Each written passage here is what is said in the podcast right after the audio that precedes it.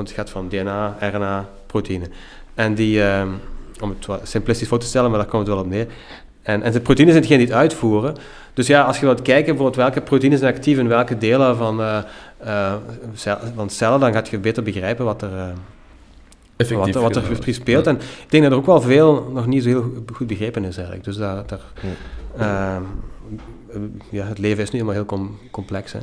Solidariteit is belangrijk. Hoe verbinden we al die individuen nog tot een groter geheel? Daar zie ik dat onze samenleving voor een stuk een beetje in, in vastloopt. En dat is een probleem in onze maatschappij. Als je dat goed aanpakt, dan zijn er wel mogelijkheden. Wij zijn allemaal gewoon de bielen die in de donker aan het testen zijn. Dat is wel heel veel waard, wat we hier hebben. Dat is echt wat telt. Kom aan, we gaan ervoor. Welkom bij een nieuwe aflevering van Discours met de Boys. We zitten hier vandaag met Paul van Dorpen. Jij bent ehm, deeltijds prof eh, natuurkunde en ook nog onderzoeker bij IMEC. Welkom. Dank u wel. Ah, voilà. Voordat we beginnen... altijd een voilà. Dat gaan we doen. Ooit al eens eh, whisky ehm honey gedronken? Nee, dat heb ik nog nooit eh, mogen Moet eh, maar eens rap proeven. Het is eh nogal zoet. Oeh, koud. Ja, en koud, het komt eh, van buiten. dus, eh, Ja, wat zegt dat? Interessante combinatie, hè. dat is niet slecht. Hè. Het is inderdaad, het komt wat door zo nu. Hè. Ja, het is toegankelijk, hè, maar eh, voor de echte whisky-drinker is soms wat, eh wat ja, ja, ja, ja, de, voor de echt, ik ken wel wat echte whisky-drinkers, die zullen waarschijnlijk een eh, Ja, dat- blas, blasfemie vinden. eh. exact. exact, zijn er al een paar. We hebben er al een paar gehad inderdaad. Ooit had Nee. iemand zelfs een flesje bij voor ons, omdat Ja. we het niet van vinden dat, eh, dat we die Wouter dronken. Draken. Ja, ja. Nee, oké, goed. Zoals altijd kunnen we alle kanten uitgaan. Maar misschien, eh, voordat we eh, het te complex maken, omdat je natuurlijk ook op een heel specifiek gebied zit, moet je misschien zeggen, waar ben je vandaag mee bezig? Of waarin eh, specialiseert je en van waar komt je wel? Of wat zijn zo wat die eerste onderzoekstrajecten die je hebt gedaan? Ja, misschien om, om het ehm, iets, iets breder te trekken. maar Ik, zit, eh, ik werk dus op, op, op IMEC. Eh, IMEC eh, ehm, werkt op, na- op nanotechnologie, maar dan specifiek gebaseerd op, op, op chips. Hm. hè. Zoals, ehm, weet, chips zitten, zitten overal en dankzij die chips kunnen we die podcast hier eh, opnemen. Ja, ja, van Lay's uiteraard. Ehm, en, ehm, en, en op IMEC is er bijvoorbeeld onderzoek gaande en de laatste 40 jaar, want deze week bestaan we 40 jaar. Hè? Ehm, toevallig, nee, deze week, hè, dank je. Ik was er zelf iets meer dan de helft van de tijd erbij. Ehm, en, dus die, en dus die schaling van chips laat toe om, om, om, om eh, berekeningen sneller te doen. Maar tegelijkertijd kun je die ook gebruiken voor heel andere eh, eh, toepassingen. Ehm, bijvoorbeeld in de life, life sciences, je kunt die ook... Want uiteindelijk wat je doet is eigenlijk, je gebruikt een, een wafer, dat is dan een plak silicium. En je kunt die, we noemen pat- patterning, je kunt daar patroontjes in maken. Je kunt die gebruiken voor transistoren te maken, wat elektronische schakelaars zijn. Maar je kunt die ook gebruiken om, om, om fluids te, te geleiden, om photonic waveguides, wat fotonische geleiders zijn, om licht te routen en op, eh, op, een, op een chip. Ehm, en, en om biomoleculen te gaan, eh, eh, te gaan detecteren of te gaan identificeren. Ehm, en dus bijvoorbeeld hebben wij gewerkt en we hebben ook chips ontwikkeld om DNA te, te sequencen samen met eh, verschillende bedrijven in het, in het, in het veld. Ja. Waarvan trouwens één, en dat vind ik wel interessant om dat even te vermelden, eh pak iets meer dan tien jaar geleden zijn we, zijn we daar toen mee begonnen met, met de chips ontwikkelen eh, voor DNA-sequencing, wat we noemen long-read sequencing. Mhm. Eh, wat wil dat dan zeggen? DNA is, zoals je weet, een, een keten van, van eh, nucleotiden, van, van individuele bazen, en er vier verschillende, die je kunt lezen en dat, en dat codeert dan voor de pro- proteïnes en de genen die dan proteïnen bepalen. En, en de, de dominante technologie is een, eh, wat noemen we short read. Dat zijn fragmentjes van 150 basenparen lang, ehm, die je kunt lezen, waar, eigenlijk, waar heel goed werkt, waar heel goedkoop is en heel hoog, een hoge throughput kunt doen, maar tegelijkertijd ook lastig is. Hè. Stel je voor dat, we, dat je een, een, een, een, een dik boek, hè, eentje van Weiland en Hugo Claus bijvoorbeeld, Friet van Mhm. België, eh, in, in stukjes van drie woorden zou kappen, eh, door elkaar gooien. Dan is het heel complex en, om en, het en nog te dan, en dan aan elkaar te, aan elkaar te plakken. Ja. Dat is heel wat bioinformatica erbij komt kijken. Dus het wordt eigenlijk veel gemakkelijker als je, daar, als je die zinnen veel langer kunt maken. Ja. En dat is eigenlijk wat long-read sequencing doet. Ze maken die zinnen veel langer. Maar, maar die technologie die er toen was, die was ehm, veel... Ja, die was eigenlijk heel high, low throughput. Die, die, die, die bio-enzymatische methodes, die werkten op zich goed. Maar ze konden dat maar doen voor duizenden moleculen tegelijkertijd, terwijl je eigenlijk miljoenen moet Hmm. doen om, om competitief te zijn of om iets of wat eh, relevante informatie te kunnen doen. Ja. En, en dus die chips hebben wij dan ont- ont- ontwikkeld met hen. eh wat er eigenlijk op neerkwam, is dat we zo'n een, een camera namen, zoals je nu een cellphone hebt, zo'n camera. En op iedere individuele pixel een, eh, een soort microscoop te zetten. Maar op micro, nano-microschaal dan. Hè. Elke pixel had zijn eigen microscoop. En daarboven zat een nano, nanoschaal gaatje, wel, een soort, een, een, een, soort eh, wel, waar dat die, eh, hoe zeg je het in het Nederlands, een... eh, een, eh, Put? Een putje, ja, voilà, kijk eens aan. Een putje waarin dat, dat dan kon zitten, die dan het DNA kopieerde. En dan, daar bracht je dan dat licht naartoe. Ja. En dat licht zorgde ervoor dat, dan, dat je dan kleine lichtemitoren hebt die aan die basisparen gelinkt waren. Elke keer als eentje bijgevoegd werd, gekopieerd werd, dat DNA werd gekopieerd als hij in die, in die putjes zat, eh, ging er zo een lampje branden dan. En dan door die microscoop ging dan naar de individuele pixels van uw camera. En zo kon je er eh, miljoenen in, in parallel uitlezen. Ehm, en op die manier, bijvoorbeeld, is vorig jaar de, voor, de, eh, voor het eerst het volledige genoom uitgelezen. Hetgeen wat we twint- meer dan 20 jaar geleden werd aangekondigd. Met die methodiek wilde zeggen. Eh, ja, Of- nee, maar het dan- was ook het genoom, maar dat was het maar 90%. Want er waren stukken van het genoom die eigenlijk niet accessible waren. Omdat, er, omdat die heel veel, heel veel, wat noemen ze repeats in zaten. Kleine stukjes die heel veel herhaald werden. Ja. En als je dan korte reads gebruikt, kun je dat eigenlijk niet bepalen van hoeveel Dan weet je niet eh, van waar, eh, het waar komt het en- komt. En dus Ja. die, dus die, die assemblies van nemen, dus die, die, die, die eh, assembly om die, om die volledige eh, sequentie te gaan bepalen, dat was eigenlijk heel lastig.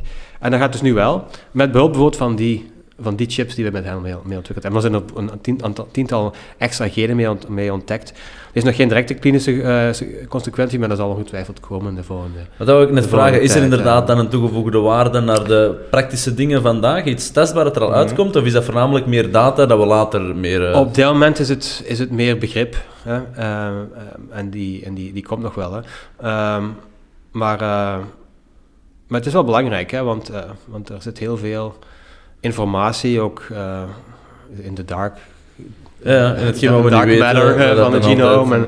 En, ehm, de- dus eh, dus er, gaat, er gaat nog wel dingen uitkomen. Klinische toepassingen momenteel van DNA-sequencing zijn toch nog altijd meer short read. En wordt ook die technologie dan nog meer gebruikt? Of de technologie waarover dat je het neupt, wordt die al meer ingezet omdat het dan eigenlijk goedkoper is, omdat je daarna nog minder verwerkingsprocessen hebt? Of, of is dat met die nog te low scale is, dat die eigenlijk niet... eh, Die, mm, ja, er zijn altijd wel vrij special, gespecialiseerde labo's. Die, die, Ja. die- en hier in Leuven hebben ze die ook en in Gent en zo. wel eens. De, de, de, de, wat noemen de core genomic facilities hebben die wel allemaal. Hoor. Ja. Ehm, maar het zijn de, de andere technieken die altijd wel... maar Bijvoorbeeld voor, bijvoorbeeld voor, de, voor COVID, hè, die, die COVID-typering, dat is allemaal wel core, short read uh, ja. sequencing die daarvoor gebruikt werd. Oké. Ja.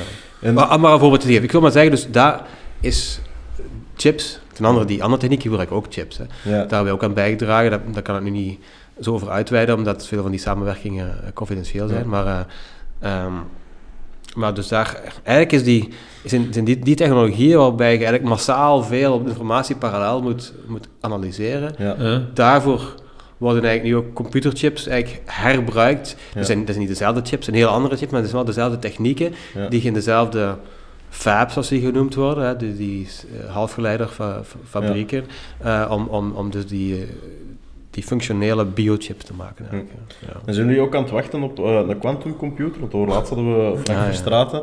Eh, en ja, die, die was er wel positief over, maar die zei ook wel, elke tien jaar wordt tien jaar verlengd. Ja, dat ze denken dat hem komt. Ja, dat is een interessante vraag gesteld. Ik had, dus met mijn hoed als, als, als prof van de, deeltijdprof van de KU Leuven, had ik ook een aantal doctoraatcentra onder mijn hoede die op IMEC die werken aan, aan de experimentele realisatie van qubits. Uh-huh. En, en uh, begin deze week heeft er uh, zo eentje zijn doctoraat afgelegd. Okay. Uh, die op, op, wat noemen we spin qubits werkt. Dus een aantal technologieën die uh, quantumcomputers kunnen uh, enablen of realiseren. Uh-huh. Uh, diegenen die het, het, het vers staan zijn op dit moment denk ik wel superconducting, uh, supergeleidende qubits. Ja. Er gaat dan ook nog een aantal andere, zoals uh, ion, ion traps en neutral atom traps, en, et cetera. Um, hij werkt op, op iets anders, op, hij werkt op spin qubits. Dat zijn eigenlijk ook hetzelfde halfleiderchips, zoals, zoals die in, in, in, in, uw, in uw smartphone, waarbij je de, de eigen gelijkaardige structuur wordt als die transistoren, maar ze zo engineert zodanig dat je en, en de temperatuur zo verlaagt, dat je enkelvoudig elektronen kunt trappen één per één. En, dan, en, dan die En de praktische implicatie daarvan en, is? en Hm. het wat belangrijk daarvan is, is, je kunt die dan dus per elektron, en elektron heeft ook magnetisch, magnetisch element, en het is datgene dat wat, wat, eh, wat dan de kwantuminformatietoestand gaat, gaat eh, bepalen, de spin. Ehm, en door het feit dat je, dat je er zo heel veel parallel aan elkaar kunt zetten, heeft het meer de, de, ja, meer de, de aanleg om, om heel high scale te worden, want large scale te worden. Want misschien, maar ik weet niet wat Frank Slater gezegd heeft, een van de problemen met, met qubits is dat die, ja, die zijn een beetje te short-lived. Ehm, en ja, je hebt daar dus quantum error correctie algoritmes voor nodig. Wat op dit moment betekent dat om één werkende qubit te hebben, dat je eigenlijk duizend fysieke qubits moet hebben. Ja. Dus als je dan een, een algoritme moet doen, wilt, wilt doen, wat eigenlijk een relatief eenvoudig algoritme is van 1000 qubits, heb je dan al een miljoen nodig. Dus oké, er zijn blijkbaar een paar weken geleden weer wat nieuwe eh, algoritmische verbeteringen gekomen, zodat dat Het weer is nog een jonge field. in Wel, wat kan, wel jong, ja. Ja. Ik heb er mijn masterthesis op gedaan in, eh Uh-huh. in Oh ja, jongen. twee, uh, voilà, voilà. Inderdaad, heel jong. Eh, heel jong. Eh, maar het- het is- ze zeggen altijd, dus, eh, toen, ik- toen ik eh, als doctoraatstudent begon, in een beetje een gerelateerd veld, in 2001, toen was het eh 20 jaar oud, dat is intussen ja, meer dan 20 jaar geleden. Mhm. Ehm, en, en het is nog altijd, ja... Wat computers bestaan, hè? Ze zijn er. De vraag is, wanneer zijn ze bruikbaar? Ja, ja, ja. En wanneer gaat je... En oké, Google heeft dat experiment gedaan met een, een quantumcomputer die dan... eh, ik ben even de naam kwijt, maar alleszins die, waarbij je iets kon laten berekenen waar je niet kunt... eh, Doen met- met, een, met een conventioneel... En dat was interessant, maar tegelijkertijd... Ja, de niet- praktische niet bijzonder useful. meerwaarde was nog beperkt. Maar ja, het zijn soms door zo onbruikbare dingen te doen dat je dan pas eh, iets Ja. ontdekte. Denk bij het eh, human genome mapping eerst, hè, voordat ze beginnen, begonnen sequencen, wisten ze ook nog niet volledig wat gaan we er uiteindelijk allemaal Nee. eh, aan mee doen. Het is maar door het te doen dat je uiteindelijk zei, oh fuck, dat is eigenlijk nuttig, of dan ontdekken we X, en Z. Nee, maar ik denk wel de technologie die gebruikt wordt, is wel heel interessant. En, en, en bovendien, ja, dus ze zijn begonnen met, wordt altijd gepraat bij computers over, eh, over de RSA-encryption en, en, de, dus die priemgetallenfactorisatie. Maar ik denk eerlijk gezegd dat, dat de veel interessantere gebieden zijn, is, zitten meer in de biokant eigenlijk. Hm. Of in de, eh, is, is chemie, hè, want je kunt, ja, uiteindelijk, wat doet een quantumcomputer? Die doet, die doet, gaat kwantummechanische eh, fenomenen uitvoeren. Hm. En dat wil zeggen dat je ook andere kwantummechanische fenomenen meest kunt simuleren, hè, zoals chemie eigenlijk. Chemie is eigenlijk kwantummechanica. Ja. Ehm, en veel van die chemische processen zijn op dit niet zo heel goed begrepen, of het duurt gewoon heel lang in dat om dat te simuleren, of het wordt is te, te moeilijk. Met een quantumcomputer zou dat, zou dat bijvoorbeeld wel. Ja, ik denk dat we daar echt... eh, ik denk zelfs als we dat helemaal uitgewerkt krijgen, maar dan misschien terug gaan naar Ruveld. Maar is het dan niet zo dat we ook een, een aarde zouden kunnen simuleren, eh, in zekere mate? Niet zozeer eh, natuurlijk het nabootsen, maar gewoon eigenlijk de meeste wetten eh, mogelijk maken? Niet? Maar de aarde is, is geen quantum... eh, ehm, ja, ik denk dat we, we moeten een verschil bekijken natuurlijk. Hè. Je hebt... d- ehm, je hebt kwantumfenomenen die zich op de, echt op de nanoschaal afspelen. Hè. Ja. Eh, en die kun je inderdaad met een quantumcomputer simuleren. Hè. En dan, en dan een, en een, en een heel groot systeem, zoals de aarde, is eigenlijk een multibody problem. Hè. Hm? Is ook een heel lastig wiskundig fenomeen. Maar het is geen kwantumfenomeen. Dus de vraag is een beetje, is dat algoritmisch dan te doen? Misschien, ja, prime factor factors is ook geen kwantummechanisch probleem natuurlijk. Dus dat, dat, dat weet ik eigenlijk niet. Daar kan ik niet niet op antwoorden. Oké, maar goed. Misschien, eh, oké, duidelijk. Maar uiteindelijk, hetgeen waar je nu op gefocust bent, is niet meer het DNA-mapping gegeven of sequencing gegeven, maar is veel meer op proteïnen georiënteerd. Hè? Ja, we werken nog altijd op DNA, maar we zijn nu aan het kijken naar, ja, kunnen we dezelfde technologieën of, of, of, bijge, eh, of een nieuwe generatie ervan, eh, kunnen we de- die concepten ook inzetten om dan proteïnen te gaan. Ja. eh, En misschien gewoon even heel kort, hè, ook voor eh, de mensen die luisteren en misschien niet mee zijn met alle biologische terminologie, waar ik misschien zelf ook onder val. Waar is het verschil tussen, zeg maar, eh, of wat is de toegevoegde waarde van DNA versus protein mapping? En dat we dat gaan onderzoeken en wat hopen we daarmee te bereiken? Disclaimer, ik ben zelf elektrotechnisch ingenieur van opleiding, dan ik geef wel les aan de faculteit natuurkunde, maar ik ben dus zeker geen bioloog, dus eh, Hmm. eh, Maar dat is alle, alle, alle fouten die hier eh, gezegd worden, excuses daarvoor alleszins. De, maar in ieder geval, ja, het DNA, het DNA is het genoom, is hetgeen wat in elke cel eigenlijk zit. Ja. Dat, dat, dat, dat geeft zeg maar, de, het receptenboek hè, voor hetgene wat we, we moeten uitvoeren, wat de cellen moeten, moeten doen. Maar eh, het, het is niet het actieve stuk. Hè. Het actieve stuk is eigenlijk de proteïne. Daartussen heb je nog een, een- het RNA, het, het, Ja. wat we we transcriptoom noemen, het genoom. De proteïne Trans- voert het uit. Het- hè? met de proteïne, het proteoom. In de biologie gebruiken ze graag oom Oké. dingen. Hè. Dus genoom, Ja. transcriptoom. Transcriptoom is, eh, is hetgeen wat tussen het, het DNA en de proteïne zit, dat is het RNA. Ja. Want het gaat van DNA, RNA, proteïne. En die, ehm, om het wat simplistisch voor te stellen, maar daar komt het wel op neer. En, en de proteïnen zijn hetgeen die het uitvoeren. Dus ja, als je wilt kijken bijvoorbeeld welke proteïnen zijn actief in welke delen van, eh, eh, cel- van cellen, dan gaat je beter begrijpen wat er, eh, Effectief. wat, wat er precies speelt. En ik denk dat er ook wel veel nog niet zo heel goed begrepen is eigenlijk. Dus daar, ehm, ja, het leven is nu helemaal heel com- complex. Hè. Ehm, dus, en dus zijn technologieën die, die waarbij je dus die proteïnen, van de proteïnes, er zijn 30.000 genen, min of meer. Hè. Dus, maar er zijn eh, eigenlijk, ja, pak een miljoen verschillende proteïnen. Ja. Ehm, omdat er allerlei, eh, wat ze noemen dat, ja, eh, post-translational mos- modifications, dat zijn modificaties die aan de proteïne gebeuren na de afschrijving, Mhm. die, die ervoor zorgen dat, dat die allemaal een licht andere functie hebben. Ik pak, pak nu antibodies. Hè. Ja. Antilichamen, we kennen ze heel goed met, eh, met, eh, met de COVID. Ja, dat zijn eigenlijk allemaal binnen dezelfde proteïne. Maar toch zijn ze anders, omdat ze, ja, ze gaan andere eh, eh, externe lichamen herkennen. Dat komt omdat ze die, dat ze dus die de modific- modificaties achteraf krijgen. Hè. Ehm, en als je dat kunt met technologie kunt bekijken. Dus dat zijn problemen waar we werken, we hebben daar nog geen oplossingen voor. Hè. Maar we zijn daar nu wel mee, eh, mee bezig om, die, eh, om daar plat- technologieplatformen op basis van, van wat wij wat nanopores eh, noemen. Dat zijn hele kleine gaatjes Mhm. in eh, membranen, waar zo net één molecule in past. Mhm. En die je er doorheen kunt trekken. En kunt, als je dan een stroom eh, stuurt. eh dat zijn eigenlijk, je moet denken, je hebt een soort soep. Ja. Hè, je zit dan een chip in. De chip met een, heeft dan zo'n heel dun laagje. In dat laagje is zo'n heel klein, ga- klein gaatje. En, en in, in, in soep, zoals, zoals in je lichaam, er zitten ionen in. En als je, die, als je dan een stroom aanlegt, Mhm. dan gaan die ionen ook vloeien. Net zoals in een batterij. Hè. Dat zijn ook eh, ionen die daarin vloeien. Ehm, en die moeten allemaal door dat kleine gaatje. Want er is een membraan, die kunnen anders niet. Dus als je daar iets anders in steekt, dan gaat die ionenstroom die gaat geblokkeerd worden. Ja. Eh, en afhankelijk van wat er precies zit, gaat dat licht veranderen. Dus bijvoorbeeld, ik ga even terugkomen op DNA-sequencing. Eh, er, is een, er is een techniek waarbij je dan DNA door dat gaatje trekt.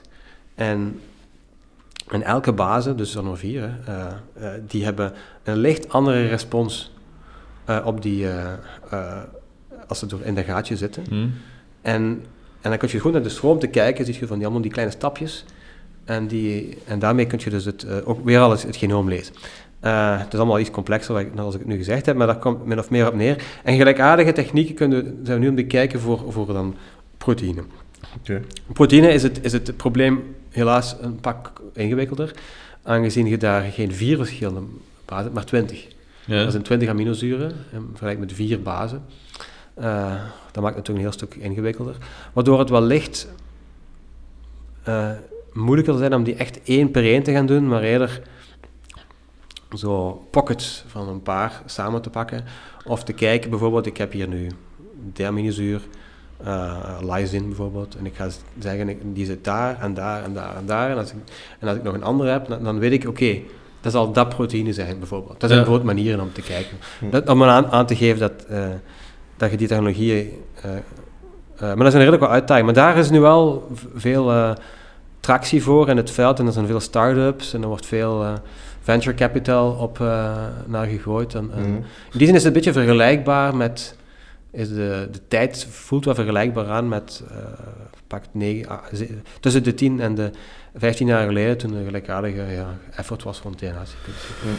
Oké, en kost het ook evenveel geld om dat nu door te pakken? Want ik weet dat dat echt wel eh, in de miljarden zit. Is dat ook waar dat er nu wordt geïnvesteerd in dit, eh, dit probleem te snappen? Of is daar nog niet zo'n eh, zo'n noodzaak voor? is- of, of wordt Ik denk, nog- dat, ik denk dat de hype minder is dan om het genoom. Ja. Om het genoom was natuurlijk iets... Ja, ja, dat- baanbrekender, dat- dat- met de stap groter was. Ja, dit is dus- al meer... Ja, de stap is, de- inderdaad, de stap is groter. Er zijn ook al technologieën, maar er worden, er worden wel, ja, in, in de, als je kijkt naar wat er in die start-up geïnvesteerd wordt, dan zitten daar toch wel in de honderden miljoenen. Hè? Niet, al- niet voor, niet Nee, voor nee. één, maar wel voor... Nee, nee, ja, eh, natuurlijk, de markt die daarop springt. En wat zijn zo de typische commerciële doelen van, van heel dat onderzoek? Of de, de resultaten of uitingen? Toepassingen, dat was het woord. Ja, ja. Ja, wa- ja de- Of komt zijn de he- vraag nog iets te vroeg? Ja, er zijn... Allee, er zijn dus een van de toepassingen eh, is, is, is er weer om in het... eh eh, wat ze noemen... Immunopeptidomics, dat is, dat is een moeilijke naam. Maar dus een, een proteïne bestaat uit peptides.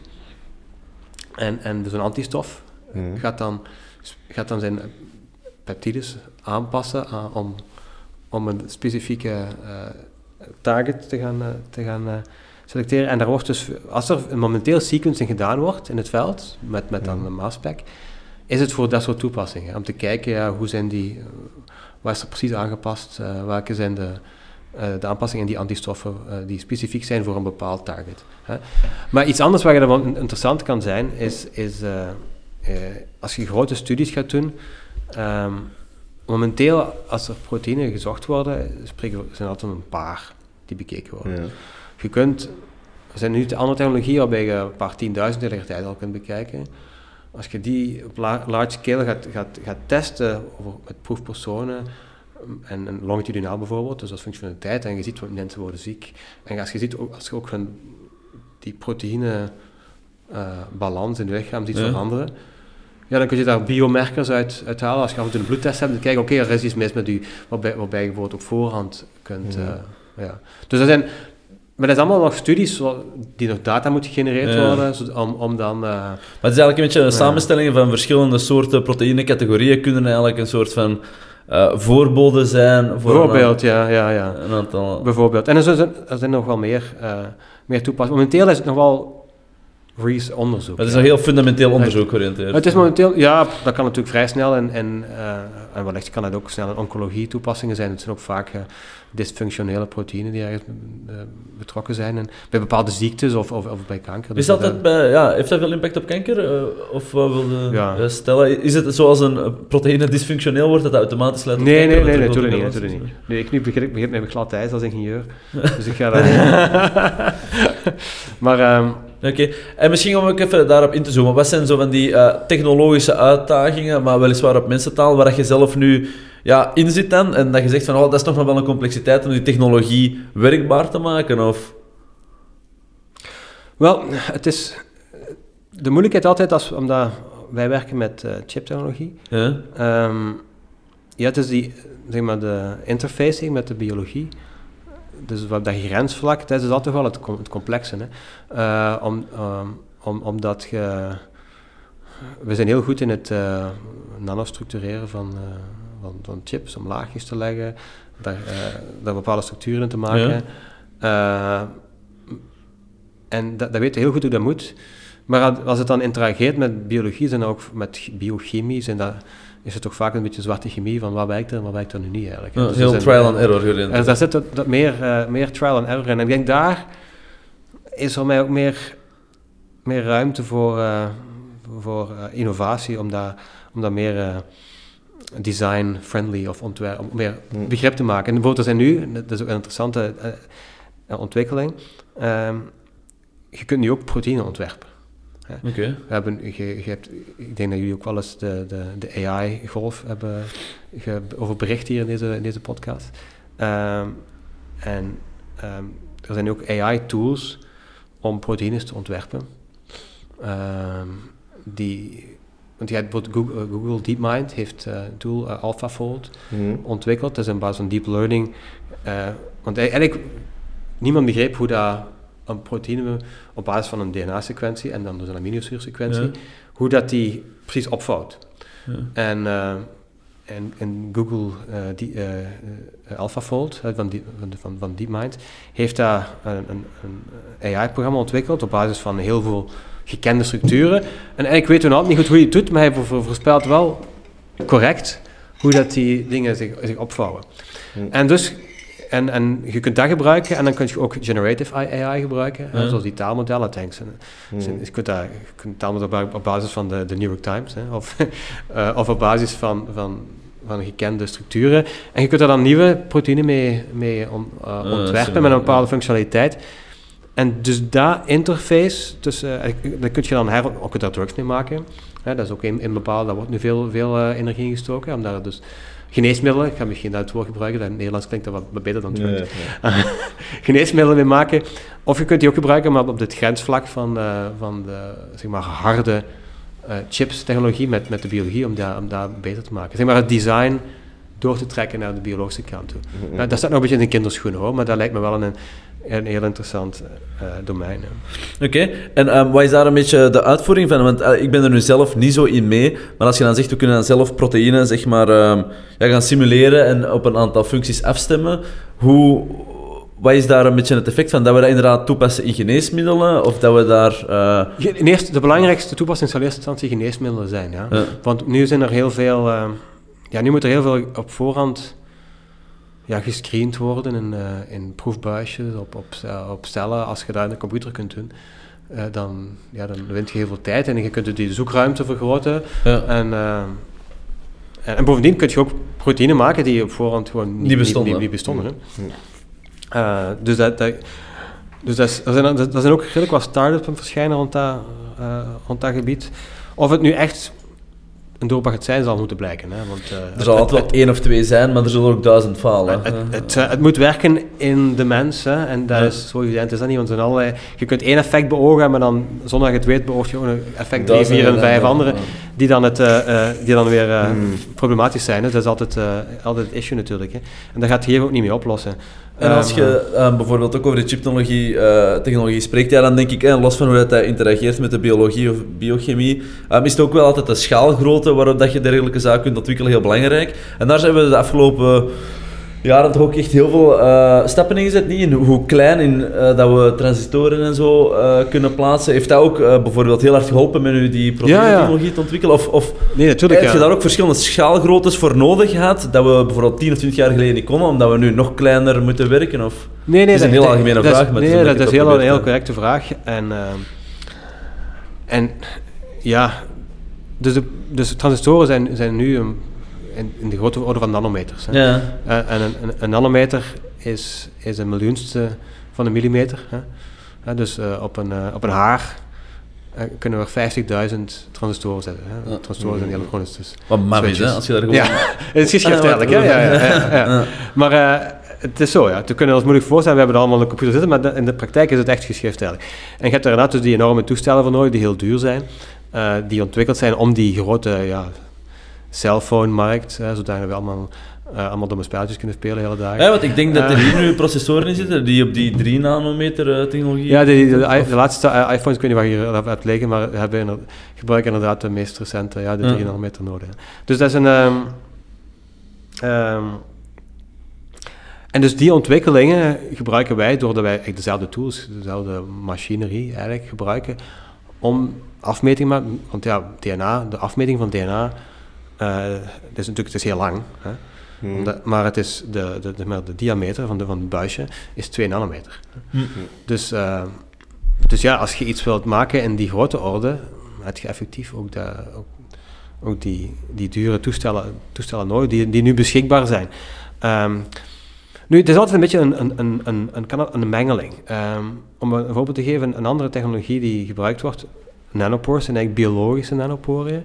Dat zijn, eigenlijk zijn dat proteïnen met een gaatje in. Ja. Eh, en die, en die, die zijn ontwikkeld eh, door bacteriën Hmm. die die gebruiken als een soort aanvalsmechanisme op cellen.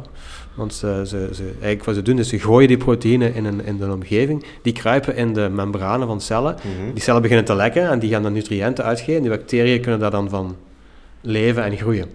Hè, maar dus die, die specifieke eh, eh, proteïne, kunnen we, kun je dan gebruiken en weer herengineeren. Je kunt daar bepaalde stukken van veranderen en zo, Hm. eh, door, eh, door molecular engineering.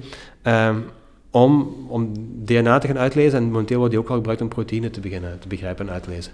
Dus die, eh, en dat zijn ook een paar nanometer groot. Eh, en, het is, en dus met de combinatie van dat, met dan weer dus die eh, electronics eh, en nanoscale electronics, dus, eh, is hetgeen wat ons staat om, om, om verder, verder te gaan. hè. Oké. En ehm, op zich, ja, misschien een iets of wat bredere vraag, maar omdat we het nu al vaak hè, over chips hebben gehad, ehm, je hoort ook altijd dat België daar wel een belangrijke rol in speelt op, eh, op wereldschaal en vooral dat er ook vaak een chiptekort is. Zijn er dan ook belangrijke Ja, ja. grondstoffen? Allee, of, of merk je dat ook in wat je zelf doet, dat je soms vertragingen oploopt of versnellingen of weet ik het, door, ik weet niet. Ja, in de COVID-periode Ja, was dat zo. Hè. Toen Ja. was er, in de COVID-periode was dat zo. Toen was er wereldwijd een, eh, Ja, tekort. eh. een tekort. En, Ja, en, we hebben keilang moeten wachten op onze PlayStation 5. Ja, dat is toegegeven, ja, ja. maar ehm, dat was wel echt het, eh, het belangrijkste probleem.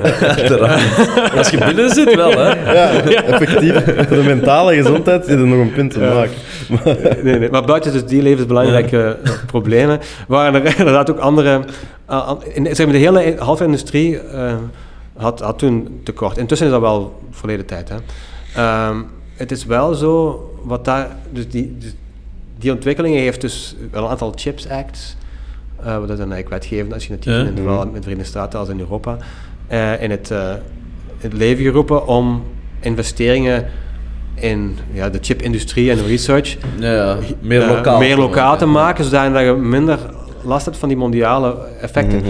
We zitten nog altijd natuurlijk met het issue dat 90% van de geavanceerde chips China. op een, eh, in, een, in Taiwan geproduceerd worden, wat een eh, ja, geopolitiek een heel eh, Interessant gebied in- interessant gebied is. Hè? Dus je weet niet wat daar gebeurt. eh, en probeer dat je samen met Taiwan. Dat is een, dat is een, maar goed, als, als, als daar een inval gebeurt, ja, dat, kan echt dramatische gevolgen hebben. Hè? Dus, in, dus in, zeg maar een spreiding, meer een spreiding van, dat, van die advanced eh, productiecapaciteit is en, en, en R&D is natuurlijk wel, wel belangrijk. En IMEX speelt daar wel zijn, zijn, zijn rol in, ja. Eh, dat is ook zo, ja. Ehm, omdat wij eigenlijk, ja... Het is wel interessant eigenlijk, een van de, de, de, een van de belangrijkste spelers in heel het halfgeleidergebeuren zit in, in, in Eindhoven. Dat is ASML. En, eh, en IMEC heeft daar van het begin, we zijn een beetje samen ontstaan, 40 jaar geleden. Ja. Ehm, en die, hoe, hoe het eigenlijk werkte is dat, dat, dat ehm, eh, zij, wat zij maken zijn toestellen die, dus die, eh, die patterning doen. Zij, zij belichten een bepaalde structuur en, en dat zijn- bijvoorbeeld witte en donkere lijntjes. Waar witte lijntjes zijn, dan gaat er iets ontwikkelen en dan, gaat, dan kun je achteraf dan een, een structuur mee maken. Ehm, en waar het donker is, dan, dan weer niet. En zo kun je dus een patroon overzetten hè, van een, wat we noemen een masker, een ontwerp, naar, een- naar een chip. Ja. Ehm, die, die toestellen die, die hebben een steeds hogere resolutie gekregen. En die resolutie is afhankelijk van de golflengte van het licht dat je gebruikt. Daarmee de, de, de huidige geavanceerde toestellen gebruiken extreme UV. Eh, vroeger- noemden ze dat soft X-ray, maar dat klink, klonk niet zo goed, dus het is extreme UV geworden. Soft ja, de- die, ehm, en daar spreken we over, ja, over, over rond de 10 nanometer eh, Mhm. in- licht, dus dat, is- dat is niet, niet zichtbaar. Het zichtbaar Mhm. licht begint pas bij 400 nanometer, dus ex- extreme UV noemen ze het daarvan. Ehm, en die, die nieuwe toestellen, ja, zij kunnen die ontwikkelen, maar die moeten eigenlijk gebruikt worden samen met alle rest van de halfgeleider, wat we noemen de process flow. Dus IMEC heeft zo'n een, een pilot line, Ja. dus die, eh, de, de, de, de, de toestelmanufacturers zetten dan hun nieuwste toestellen bij, op IMEC, waar die dan kunnen gebruikt worden samen met andere processen om eigenlijk aan te tonen dat zij inderdaad beter werken. Ja. Ehm, en, en dat heeft eigenlijk zo'n soort symbiose, eh, waardoor dat IMEC gegroeid is en ook ASML uit- uiteindelijk ja, eh, een monopolist is, is geworden. Hè? Hm. Op, in, op, op wereldschaal, op, op het vlak van, eh, van die geavanceerde eh, technologie. Oké, en zijn er en voor de rest zo nog bepaalde trends, ja, los dan denk ik van die proteïnetechnologie, maar waar dat je ja, zelf geïnteresseerd in bent, Ja. of die je nu toch wel ziet... Ja, iets, om, om, iets, om iets heel anders te, te noemen, is, is misschien wat tastbaarder, is, ehm, is diagnostiek op basis van het, eh, het, het beeldvorming van, het, eh, van, het, van, de ret, van die retina, van, die- van die netvlies. Oké. Dus ehm, uw, uw, het netvlies is een van de weinige plekken in het, in het lichaam waar dat je zeg maar, een onverstoord optisch beeld hebt van een hele hoop bloedvaten en, en ook zenuw, zenuwbanen. Hè? Want, Ja. dus, Wat zo dus doorzichtig jij kunt mij goed zien, hè, neem ik Ja. aan, en ik kan jullie goed zien. En dat komt omdat dat de lichtstralen eigenlijk mooi Heel- onverstoord Ja. aan, aan uw netvlies komen. Ja. Dus als, jij een, een- als we het even omdraaien, hè, dus als we het netvlies bekijken, kunnen we dan ook onverstoord het netvlies gaan, gaan bekijken. Ja. En daar zitten heel veel bloedvaatjes, omdat die, eh, omdat die ja, dat moeten zijn om al die... eh, moet heel, gevoelig eh, zijn. ja, Dat heel, heel omdat je- er moet continu eh, glucose en zo ges- Mm. eh, verschaft worden lokaal aan, aan, het, eh, aan die cellen, zodat je dat ze licht, de lichtgevoelige cellen kunnen op, opereren. Omdat je ook aan 16 eh, keer per seconde je, beeld ververst. Ehm, Wat is een kreep per seconde? Is dat maar 16 seconden? Is dat niet... eh, 16, 16 beelden per seconde. Ja, ja. Maar het is toch zo, allee, nu even iets heel anders, maar ik weet, als je adrenaline voelt, dan wordt dat verdubbeld. Dat is ook Ja, dan, ja, dan versnelt je beeldverwerking. Dat is de reden waarom dat vaak de tijd dan trager lijkt te gaan. Dat je het niet goed herinnert omdat je het niet kunt opslaan. Nee, omdat je een dubbele framerate Ja. eigenlijk hebt. Voilà. Maar bon, dat is iets Oké, dat nog meer van gehoord, biologisch. ja. Ja, ja, effectief. Dat is juist. maar oké, ja, sorry. Ja. Maar, Fact maar- check het maar, jongens. Ja, ja. Ja, ja. maar, maar het interessante is, is dus dat die... Is, want aan andere plekken van het lichaam, je ziet, je ziet wel aders en zo, maar er zit geen... Je hebt daar veel minder eh, eh, rechtstreeks eh, ehm, toegang toe.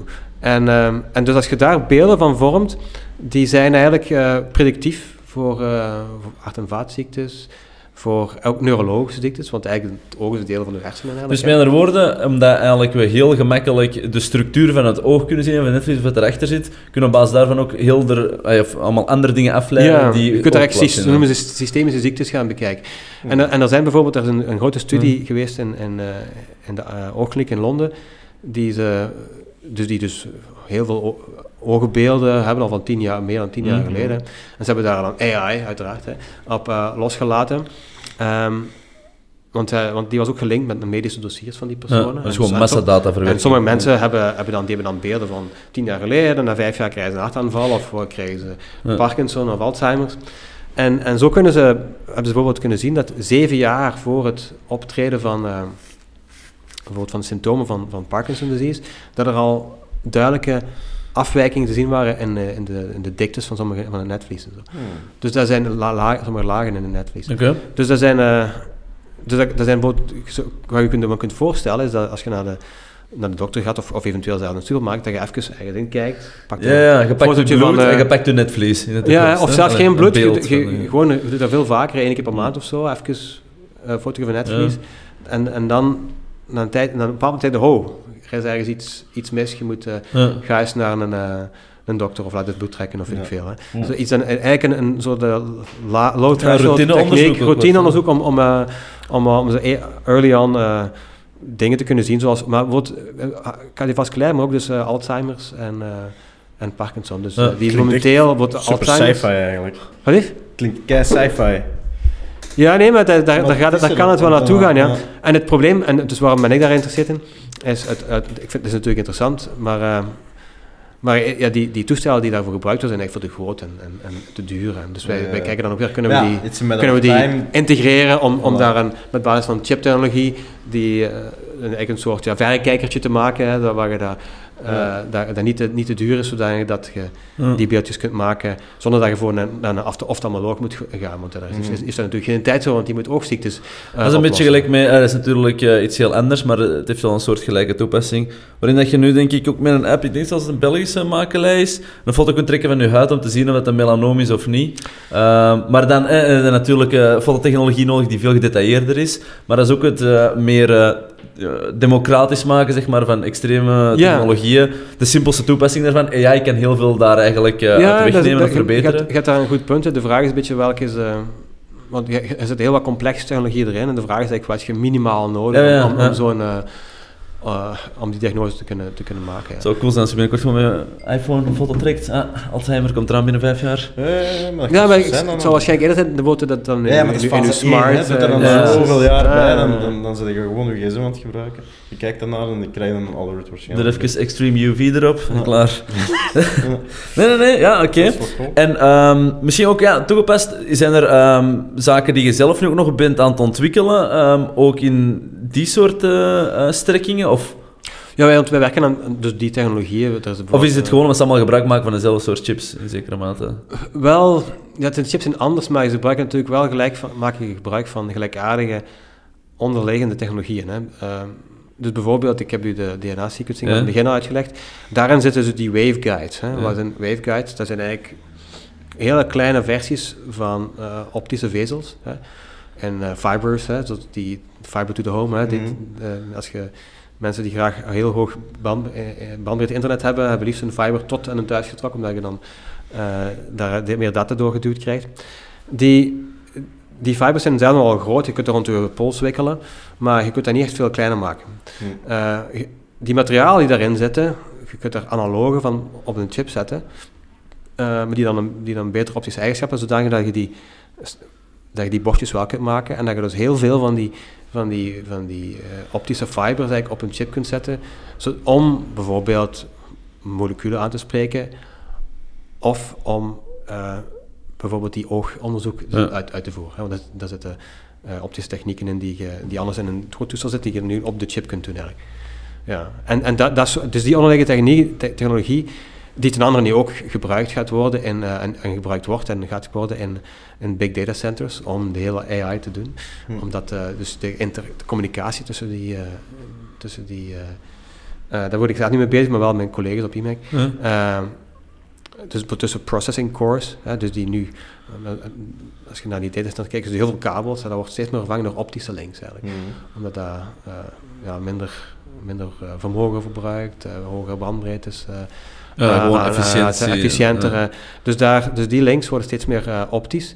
En dus die technologieën die kunnen we dan ook herbruiken voor een hele range andere eh, eh, toepassingen. Nou, is, al gaat het van, van LiDAR voor in de auto, waar ook gelijkaardige technologieën Ja. voor on- ontwikkeld worden. Want je kent die, die taxis die er in San Francisco rondrijden van Waymo. Heb je die gezien? Dat is Die, van, eh, nee, ik weet het niet, maar dat is van Google, hè? Wat je nu... ja, ja, dat is Google, wat bedoel je ja. in San Francisco? Dat ze Ja, daar ja, ja, ja. Ja, ik ga er volgende week naartoe. Ik ga eens kijken, maar niet of dat, ik heb ze nog niet gezien, gezien de vorige keer dat ik er was. Dus, ja, ik heb ze nog het echt gezien, maar ik, weet het wel, van, ik weet van hun bestaan. Dus die, hebben- die hebben van die, van die LiDAR's opzitten, die Ja. zijn altijd wel redelijk duur. En, en, maar waar eigenlijk, je kijkt eigenlijk in de verte, dus dat is een laser die... die Maar LiDAR-camera's zijn ook al vrij gedemocratiseerd. Hè? Zitten tegenwoordig ook al niet in de gsm? Ja, dat zijn time-of-flight camera's, maar dat, dat, zijn, Ja. eh, dat zijn... Ja, maar daarmee kun je geen... eh, geen, geen, geen, nee, nee. geen voor autonomous driving hebben. Ja. Ja, dat zou wel een straf zijn. Maar sorry, wou je er nog Maar dus, dus, dus chiptechnologie, ook daar, dus die, die waveguide-technologie, eh, wordt ook gebruikt om, om, om dus die, die, die, die ranging te doen aan, aan, aan, hoge, aan hoge snelheid. Eh, nu, zo evident is het nog niet, omdat je natuurlijk in een auto, daar moet veel vermogen in zitten en je moet behoorlijk ver kunnen kijken. Hè? Dus in robotica zitten misschien eerdere toepassingen waarbij je een, een robot hebt, eh, om te vermijden dat die, weet ik veel wat, er tegen gaat. eh. Ehm, bijvoorbeeld ja, bij Musk zijn fabriek was onlangs zo'n incident dat er een robot eh, een worker had eh, aangevallen. Als dat zo'n? LiDAR zouden inzetten, die natuurlijk te duur is moeten doen, maar dan gaat dat, gaat dat, zou dat natuurlijk eh, vermeden worden. Mm. Eh, aangevallen is een groot woord, maar ja. dat- Ja, maar, nee, maar pas op, de media zou het zo kunnen framen. Ja. Ja, Sowieso. ja. Sowieso, ja. En je sprak uh, daarnet toch over dat je toch al een aantal patenten hebt. Ehm, is er zo eentje waar dat je het meest trots op bent? Of iets dat wij Dat je het kunt commercialiseren en waar je van de vruchten hebt geplukt. Dat Kan ook, ja. Of maar, beide dan. Twee vragen. Ja, Wat, wat heeft het meest opgebracht en waar is het meest trots op? Kan ook één vraag zijn. Ja, wat was de intellectuele fetish? Wat was de monetaire? ja, dat is een goede vraag eigenlijk. Ja. We hebben op, ehm, op, op ik heb er sowieso zelf geen, eh, geen profijt aan. Want als je binnen een, een onderzoekinstelling als IMEC... Geef je alles aan- weg aan- altijd? Is er niet zo een mini-procentje dat Nee, je nee, nee, niks, nee. nul? Ja. Dat zijn de- zware arbeidscontracten Aan, dan. aan de universiteit is dat anders. Oh ja, ja. Aan de universiteit is anders. Eh, de, daar Kunde Kun- een mini-procentje. kunt je- Ja. kun je wel... We hangt er wat je vanaf. Ik, ik weet dat dit thuis een unie van hoor. Maar eh, op, tenzij dat het... Pas op, als, je in een, in, in een, als er een spin-off aan komt, Ja. en je stapt mee zelf in die spin-off, dan verandert de zaak en dan kun je bijvoorbeeld wel een deel van, van Ja, maar omdat je meestal in de spin-off... Dat eigendomsrechten van die spin-off aan, aan verlenen aan de hand van je eigen contributie aan de patent. Hè. Zijn wel, dus er zijn wel eh, mechanismen in, eh, in, die, die, daar, die dat toelaten. Maar in het algemeen worden die patenten gebruikt als, als deel van het, eh, ja, het business- businessmodel van IMEC om, om het, zeg maar, het, wat we noemen het IP, het intellectuele eigendom, uit te licentiëren aan, aan bedrijven voor een bepaalde, bepaalde fee. Hè. Mhm. En die patenten die, eh, die, eh, die horen, daar, die horen dan, dan, dan, bij. Ehm, en die patenten die zijn in mijn geval eh, bijvoorbeeld gelinkt aan, die, aan sommige waveguide eh, concepten of, of, nanopore. dus die, die, die verschillende aspecten die ik al benoemd heb, om er nu eentje uit te halen, is... eh, ja, dat zijn bepaalde ja, concepten die, heel nieuw waren wel, ja. Die, die, die, die, het probleem is een beetje, die zijn, ja, die zijn nu nog, nog, nog- nog niet op de markt, maar daar wordt wel, wel naar, naar gekeken. Ja. Ehm, tenzij ik er nu eentje vergeten ben. En ooit eigenlijk al zo'n... eh alleen maar ja, dat heb je dan waarschijnlijk individueel niet echt ervaren, maar zo'n patentenconflict gehad, dat je een technologie gebruikt of dat een andere technologie een bepaalde ontdekking doet aan de hand van een patent of iets. ja, dat wordt, ja, dat wordt, pas op, Maar- dat, ja, dat, dat is voornamelijk een juridische battle, dat, dat bereikt misschien de werkvloer minder. eh, dat is inderdaad een, een eh, dat is inderdaad iets waar, waar wij wel, wij, wij zijn er wel heel veel mee bezig met, met patenten, uh, om, omdat in het, als je in het life sciences veld kijkt, bijvoorbeeld in die bedrijven die DNA-sequencing doen in het algemeen, eh, de eh, intellectuele eigendom is extreem belangrijk. Ja, dat is de enigste En, en, en, en IP-battles zijn daar eh, dagelijkse eh, kost. zijn dagelijkse kosten, ja. Dus je moet, je moet inderdaad heel hard opletten eh, met de eh, informatie, het delen van informatie, eh, met, eh, met, met, met patenten dan ook. Dus, dus ja, dit is, het is, allee, ik, ga niet zeggen dat we er last van, van gehad hebben, maar het is wel iets waar je continu waakzaam eh, eh, voor moet zijn. Hè? Ook eh, als je dan eh, delen van je IP eh, eh, zeg maar afstaat aan, aan, aan bedrijven dan, Mhm. Ehm, dat dat dan ja, niet conflicteert met andere. Eh, eh, Heb je ooit al gehad eh, het omgedraaide, dat je iets wou ontwikkelen en dat je tot een punt wou geraken, maar dat je daar ja, een ander iets voor nodig had, wat dan toevallig gepatenteerd was, en dat je dat niet meer kon kiezen, die route? Ja, wel, dat gebeurt wel regelmatig eigenlijk. In de zin van. ehm, En moet dan constant zo workarounds vinden? dus, voor... dus, dus, is- oké, als, we, als we de basisdingen bekijken, dan, Ja. dan, dan let je daar niet, niet, niet te hard op. Hè. Nee, nee. Maar het is wel zo dat als je naar de, kijkt naar de commercialisatie, wat, wat uiteindelijk belangrijk is, uiteindelijk gaat, gaat je alleen iets nieuwe eh, onderzoek doen naar, naar, naar nieuwe technologie als je als Hoopt een- dat het als ooit een is. iets Dus als er Ja. iemand gaat, is- gaat zijn die daarvoor gaat willen betalen. Hè. Ja. Ja. En, en in, in die zin is de IP-positie, hè, dus de intellectuele eigendom, po- eh, zeg maar het, het hele landschap wel, wel belangrijk. Hè. En er zijn bepaalde stukken die, als die al plat gepatenteerd zijn, Ja. ja, is dat dan wel, wel lastig om daar... eh, om daar eh, in, in, in die zin kijk, wordt, worden we... Worden we, kijk, in die zin kijken we, kijken we daar dan naar. En, of, en gaan we soms zeggen, ja, kijk, die richting gaan we niet uit, omdat het, eh, ja, wat we dan noemen, Te high een risk. Red, red Ocean is. Hè? Eh, Red Ocean, waar de vissen, eh, de veel haaien. Mhm. Ehm, dus daar, dan is het beter om te kijken, oké, een, ge- een gebied waar er nog meer, eh, veel meer vrijheid is en Hm. ruimte. En, eh, dus daar, daar, daar, worden wij, daar kijken we wel naar. Heb je ooit zelf al gehad, nu gewoon puur even nog inzoomen op die patenten, dat je ooit al, eh, of zelf misschien per ongeluk hebt gedaan, een soort van lek hebt gehad? En dan bedoel ik dus eh, dat er toch informatie eh, naar de tegenpartij is gegaan, of dat er toch, eh, en met dan uiteindelijk gevolgen. Hè? Ik bedoel, er zal altijd wel informeel wat informatie eh, verspreid worden, maar oké, precies niet direct. Nee, ik heb niet direct, nee. We, ja, zoals ik zeg, we moeten... Op IMEX zijn wij, zijn wij... In die zin is, is het... moeten we daar heel op opletten, omdat wij met enorm veel bedrijven samenwerken. Ja. Ehm, als je kijkt met het aantal partners, is echt eh, ongelooflijk. Ehm, met heel veel onderzoekers. Dus het, het, het, het, het volledig dichtplamuren van alle mogelijke lekken is, is, is, Onmogelijk. is, is waarschijnlijk on- onmogelijk. Maar tegelijkertijd moeten wij wel voor zorgen dat, dat, dat de toegang tot informatie beperkt wordt tot, tot een groep mensen die alleen die er, die er toe Ja. nodig hebben en zo. Dus daar worden wel heel veel eh, zo, maatregelen voor genomen om dat, dat, eh, dat te vermijden. Maar eerlijk gezegd, als je zelf kijkt naar de Bay Area bijvoorbeeld in eh, Amerika, waar heel veel van die bedrijven zitten, die technologiebedrijven, mensen lopen, gaan van het ene bedrijf continu. hè. Ja, je draagt Dus- ook een groot deel in je hoofd en, mee. Hè? En je draagt in je hoofd mee en, en, en dan heb je wel rechtszaken soms, want de ene ja, die zeggen, maar jij hebt eh, onze dingen meegenomen en dat gebeurt natuurlijk. Hè. Ja. Ehm, maar dus, dus mensen zijn mobiel, hè, dus dat is ook onvermijdelijk. Hè. Ja. Ja. Ja. Oké. Dat is wel zo. Dus qua patenten, iets dat wij in ons dagdagelijkse leven gebruiken, waar dat jij de grondslag mee aan hebt gelegd, moeilijk voorbeeld van te vinden. Eh, ja, wel, er, zijn wel, er, zijn- wel, er zijn wel een aantal patenten die, die bijvoorbeeld in de, in de, in, in de DNA-sequencing. eh, Mhm. Dus in die zin, dat is een product dat wordt gebruikt. Ja, ja. We hebben- daar, is een, eh, dat, dat wordt gebruikt door onderzoekers en klinici. Ja. Ehm, ehm, en daar zitten inderdaad patenten in van, eh, eh, ja, ook van mij, ja. ja niet Oeh. alleen van mij.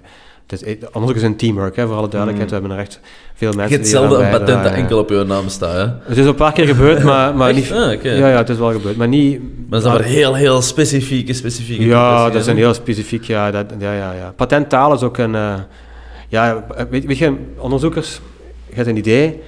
ehm, en kijk, uiteindelijk, voor ons is het patent een, een manier die een, pro- een bepaald probleem oplost. Hè. Hm.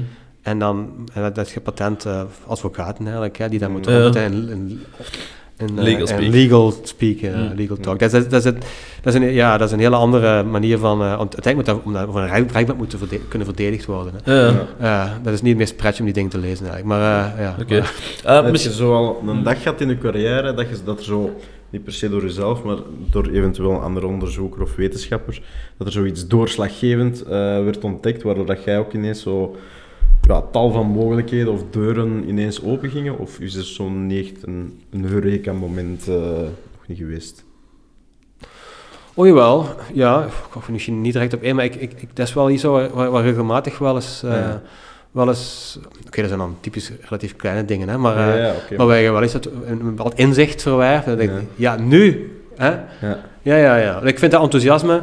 Dat, Ja, dat- dat, ja. het toch op, denk ik. Dat is, Dat, is ook zo, ja. En ook bijvoorbeeld, dat is ook het leuke om, om te werken met, eh, als, als, als, als, prof, als, als prof dan, met jonge Mhm. mensen die dan eh, onderzoek doen, doctoraatstudenten, ook masters. Als die zoiets iets Ja. ontdekken, een doorbraak hebben, dat dat, ja, ja die daar eh, vaak soms avonden aan doorwerken, dat dat dan, eh, ja, dat, dat, kan, dat, dat, dat geeft energie, ja. Dat, is ook wel. Ja, eh, tuurlijk. Ja, ik kan me inbeelden. Eh, je, wilt, je werkt natuurlijk altijd ergens naartoe. Hè, en als je dan, dat is het meest frustrerende onderzoek ooit. Hè. Ik bedoel, je start met een vraag en je hoopt dat je ergens eindigt, maar dat is zeker daarom niet altijd... Oh nee, weet je, ik ben meestal, heel vaak eindigt je ergens anders. Maar, is, maar is dat ergens anders ook weer een interessante... ja, is dat beter of slechter? Ja, of, dat, dat is de, ja. Heel veel toeval. Er is veel toeval bij, maar uiteindelijk, ja, is toeval bij, maar je moet natuurlijk op, een methodische manier en eh, goed over nadenken altijd, waar, je- waar je onderzoek vraagt, maar dan kom je dingen tegen en ja, bij toeval, en dan, dan moet je natuurlijk wel, zeg maar, de opportuniteit zien, hè, dus Ja, zien om, het, eh, ja, te gaan, nu, nu ga ik hier die route inslaan, om, om dat mee, in plaats van Ja, blijven hardnekkig te blijven Ja, ja, ja. doordraven, kijk, we gaan even stoppen, deze, deze route is interessant, eigenlijk zouden we beter naar rechts gaan. Ja, ja, een beetje pivoten, hè. dat Ja, moet eh, iedereen eens durven doen. moet, hè. eh, zoomen. eh. Zijn er eigenlijk ooit Nobelprijswinnaars geweest die rond chiptechnologie hebben gewerkt? Want dat lijkt me toch altijd een mega ja, impactvolle gebeurtenis. Maar Ja, ja, ja, ja. Ik bedoel, in de standaard media bereikt men dat precies minder. Ik, ben hem, eh, ik ken die ja, dit jaar bijvoorbeeld, hè, hebben rond. die eh, quantum dots. eh, Ah, Oké, ja, zie je, dat heb ik bijvoorbeeld gemist. ja, dus er was een, bij de Nobelprijs Chemie, ging over quantum dots zijn, het woord quantum ja. dat zijn eigenlijk, hele, dat zijn eigenlijk halfgeleiders die je zo klein maakt dat je er maar een aantal toestanden in hebt. En, eh, en die gaan dan bijvoorbeeld licht uitzenden. En voor bepaalde- Zelf ooit een Nobelprijs eh, winnen? Nee, dat, gaat, eh, dat zal er niet in zitten. Dat, dat zijn, Misschien als je dood bent, hè, dat is waar dat vaak werkt. Nobelprijzen zijn alleen voor levende, levende Oeh, is mensen. dat nog nooit voor iemand Nee, nee, nee, nee, nee, Ah. nee, nee. De Dat is Nobelprijzen, heel laat altijd dan. eh, je komt het vaak laat in de carrière, maar je kunt postuum geen, geen Nobelprijs Echt? winnen. Nee. Ah, spijtig. Eh, ja, dus verschil... schi- eh, Ja, er zijn toch, er zijn toch goede dingen gedaan waar dat soms pas de waarde wordt ontdekt nadat iemand sterft. ja, ja, dat- helemaal, helemaal waar. helemaal, zijn, maar dat, die, De meeste heilig verklarenden van vroeger moesten eerst ook sterven voordat je heilig kon verklaard worden. Ja, dat zit helemaal anders. Eh, de meeste kunstenaars, hun kunstwerk... Nobelprijs. De meeste kunstenaars, hun kunstwerk ja, wordt veel waard als ze dood Tuurlijk, zijn. ja, ja. Dus waarom dit niet? Nee, nee, sorry. Het omgedraaide is vreemd. Het is vreemd dat iedereen nog leeft uiteindelijk. Maar, maar Nee, er zijn, er zijn er inderdaad een aantal Nobel... eh, Bijvoorbeeld dit jaar, rond... rond, rond, eh, eh, ik- bijvoorbeeld in mijn... Ik, ik geef dan les rond optische eigenschappen van materialen. Ja. En dan vraag, een, deel van de, van de les is dat de studenten zelf een presentatie dan geven over een bepaald domein binnen het... Mhm. en dan, dan, dit jaar heb ik dan ook voorgesteld, kan, een, kan een van jullie het hebben over zeg maar de Nobelprijs hè, van, Ja. eh, van dit jaar, wat dan ook omdat het een paar jaar geleden was, dat ging dan over superresolutiemicroscopie, hè, waar dan ook interessant was, om- dat, was Mhm. ook een, dat waren ook eh, de microscopie die toelaat om, eh, om, om, om nanometer schaal dingen te zien, waar je normaal gezien gelimiteerd zit door de golflengte van het licht, waar 400 nanometer Ja. is. En maar er zijn man- dus manieren om daar, om daar beduidend onder te gaan.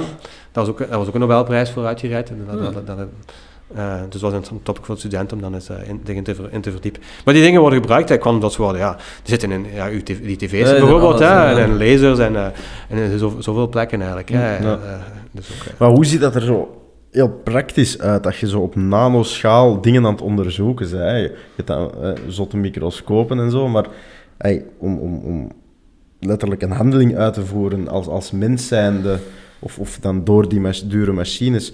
Want ja, letterlijk als je dit doet, zit je al zoveel kilometers in, in ons Ja, ja, nee, dat is ook naast, je dingen. Dus hoe, hoe, hoe werkt dat praktisch? Ik kan dat zo niet vatten. Nee, nee, dat begrijp ik, ja. Ehm, nu, ja, we maken er natuurlijk een beetje abstractie van, in de zin van, je, Ja.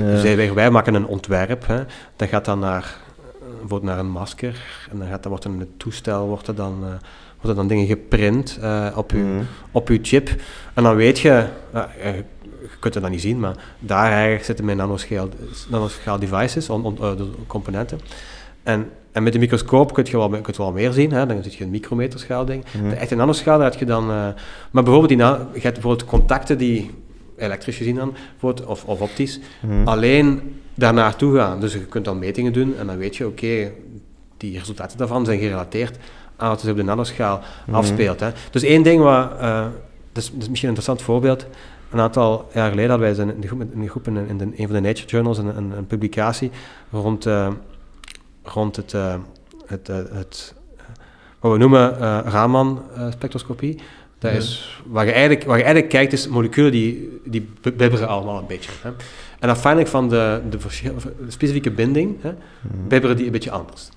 En als je daar licht op schijnt, en, en je kijkt naar het licht dat terug, wat we noemen verstrooid wordt, gaat een heel klein beetje van dat licht, gaat zo een beetje van frequentie opgeschoven zijn. En die frequentie is eigenlijk die frequentie van die bibbering. Van Ja. die, en die is eigenlijk specifiek voor die, voor, die, voor, die, voor die bindingen. Dus je kunt er eigenlijk aan zien welke moleculen je eigenlijk voor hebt. Ja, aan hoever het licht afwijkt. dan. Ja, en hoe ver dat het, de frequentie van het licht verschoven is. Ja. Hè? Dat is een bepaald spectrum dat je dan eigenlijk Ja. ziet, zoveel piekjes. Ehm, en dus wij hadden chips gemaakt, hè, met dan met die hele kleine pores, en daar waren van die optische resonatoren in, die op, op, ene, op, een paar nanometer groot eigenlijk een plek, alleen op die plek, eh, dus die, dat effect vertoonde, zodanig dat je, normaal zie je dat maar voor 100 miljoen moleculen. Maar doordat die chip eigenlijk dat allemaal zo hard focust op één plek, konden we dat voor één molecuul zien. Zo konden we dan bijvoorbeeld een aantal bazen van DNA eh, van elkaar onderscheiden. Nu zijn er andere mensen die dat ook voor proteïne aan het bekijken zijn. Ehm, maar ja, die... eh, eh, en dat is dus echt op de nano's. En je weet dat het alleen vandaar kan komen. Dus met andere Eh, woorden, dat is werken op een schaalgrootte ongezien. Hè? Maar ik wil dan... Ja, ja, dat, Kijk, dat- ja, ja dat, is ook zo. Maar je gebruikt wel ja, macroscopische middelen natuurlijk. hè. En, en bij de, meestal, ja, als je gebruiken we dus ofwel grote toestellen, hè, of als het dan weet je, dichter bij de toepassing komt, dan, dan, dan, moet je, dan heb je er in plaats van ene, dan zet je er eh, honderdduizend of zo, en dan heb je weer elekt- elektronica nodig om die apart, dat is met, dat is met die qubits. Hè. Ja. Die qubits, eh dat wordt ook, dat, dat, zit, die, dat is heel eigenlijk, dat is mooi te zien eigenlijk, dat, dat, zit dan, dat wordt dan op millikelvin, eh millikelvin, dus, ene, dus de kamertemperatuur is ongeveer 293 Kelvin, hè, dus 0, 0 graden is 273 Kelvin, dus het nulpunt is min 273 Kelvin. En dus daar een paar tientallen millikelvin boven, Mhm. Daar zitten ze die chips. Dat zit in een, in een, in een enorm, wat zeggen, dilution fridge heet dat dan. Ehm, en dan met allerlei lagen, met allemaal, allemaal kabels naar beneden. Ehm, en daar gebruiken ze vrij grote toetsen voor om zo een paar qubits te, eh, te, te gaan eh, eh, controleren. En nu, als je hoe meer qubits moet controleren, hoe meer elektronica eigenlijk heel dicht moet zetten tegen die, tegen die qubits aan. En hetzelfde gaat voor die, die, die, die andere devices. hm? Uiteindelijk is het, je krijgt layers of lagen van andere intelli- in- intelligentie, dus, dus elektronica in dit geval meestal, die zich, die zich dichter bij dus de nanoschaal begeeft, of Mhm. bij de, bij de kwantumstate, eigenlijk is er niet zoveel verschil tussen, van ver afgezien dan. Ehm, zodanig dat je van de buitenkant ja, gewoon je informatie eruit krijgt eigenlijk. Hè. Mhm. Dus, dus, eh, maar het is niet dat wij elke dag naar, met een, met een eh elektronenmicroscoop zitten te kijken naar, eh, naar, naar, naar die dingen. Dat gaat Nee, nee. Nee, oké, ja. eh, nee, goed. We zijn zo richting einde. Misschien nog een allerlaatste vraag. Is er nog een specifiek... Of ja, eh, de vraag afhankelijk van, maar... Is er een specifieke doorbraak waar nu iedereen naartoe aan het werken is? Of eentje waar je zelf zo op zit te wachten dat je denkt, ah, dan kan ik echt Dat? Of, want het is vaak dat je altijd wel net iets ontbreekt, waardoor dat je zo, het altijd moeilijker is om te doen wat je wilt doen. Of is het nu voor het heel de industrie georiënteerd op, ah, dat is echt de big next thing? Ja, het hangt er wel van af natuurlijk, hè, maar dat zijn... ja, Wat je zelf interessant vindt dan? Ja, ja. ja. Dus ik, wat, ik, wat, ik, wat ik zelf interessant vind eigenlijk, is om die... ehm, ik heb wel een paar dingen... Ik vind vind iets te veel dingen interessant misschien. Dat, maar eh, de, dus die, hij zegt dus die, in, dus die biologie, hoe die nanobiologie, die enzymen, die, om die te ontwerpen, ehm, die eigenlijk in rechtstreeks contact te zetten met die, met die nanodevices, die Ja. nano, nano... Dus dat is één ding, daar gaat het naartoe, daar zijn we nog niet, nog niet echt helemaal. En dat is wel een interessante, interessante route.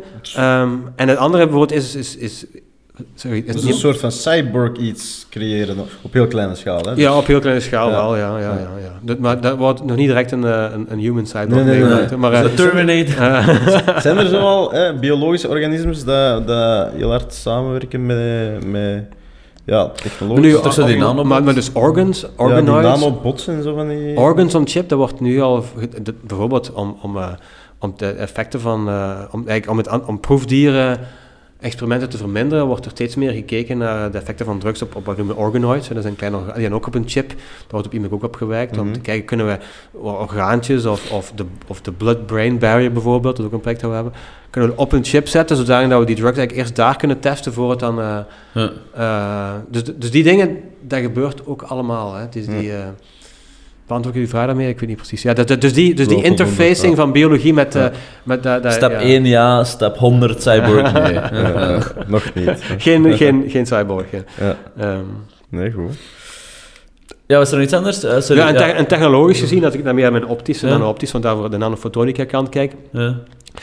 is het eerder de, daar zijn we nu ook veel graag mee bezig ook wel, is het die, eh, we hebben bijvoorbeeld eh, eh, chips die, die eh, eh, chips waar die waveguides in zitten en zo, maar wat wij nog niet goed hebben zijn die chips waar dan en de lasers op mee op zitten en, de, en alle detectoren en, en waarbij je eigenlijk het volledige circuit helemaal op die chip kunt. Ja, het is allemaal nog gefragmenteerd nu vrij. Ja, en, en, en, dat- en daar, klopt, daar, daar, en, en die doorbraken, die, die beginnen nu al te komen. En binnen een paar jaar zijn we daar wel, dan kunnen we weer zoveel meer. Als je Ja, dat ja, wilt ja. weten, dan kun je weer zoveel meer. En de vraag natuurlijk, het moet, of dat een kost...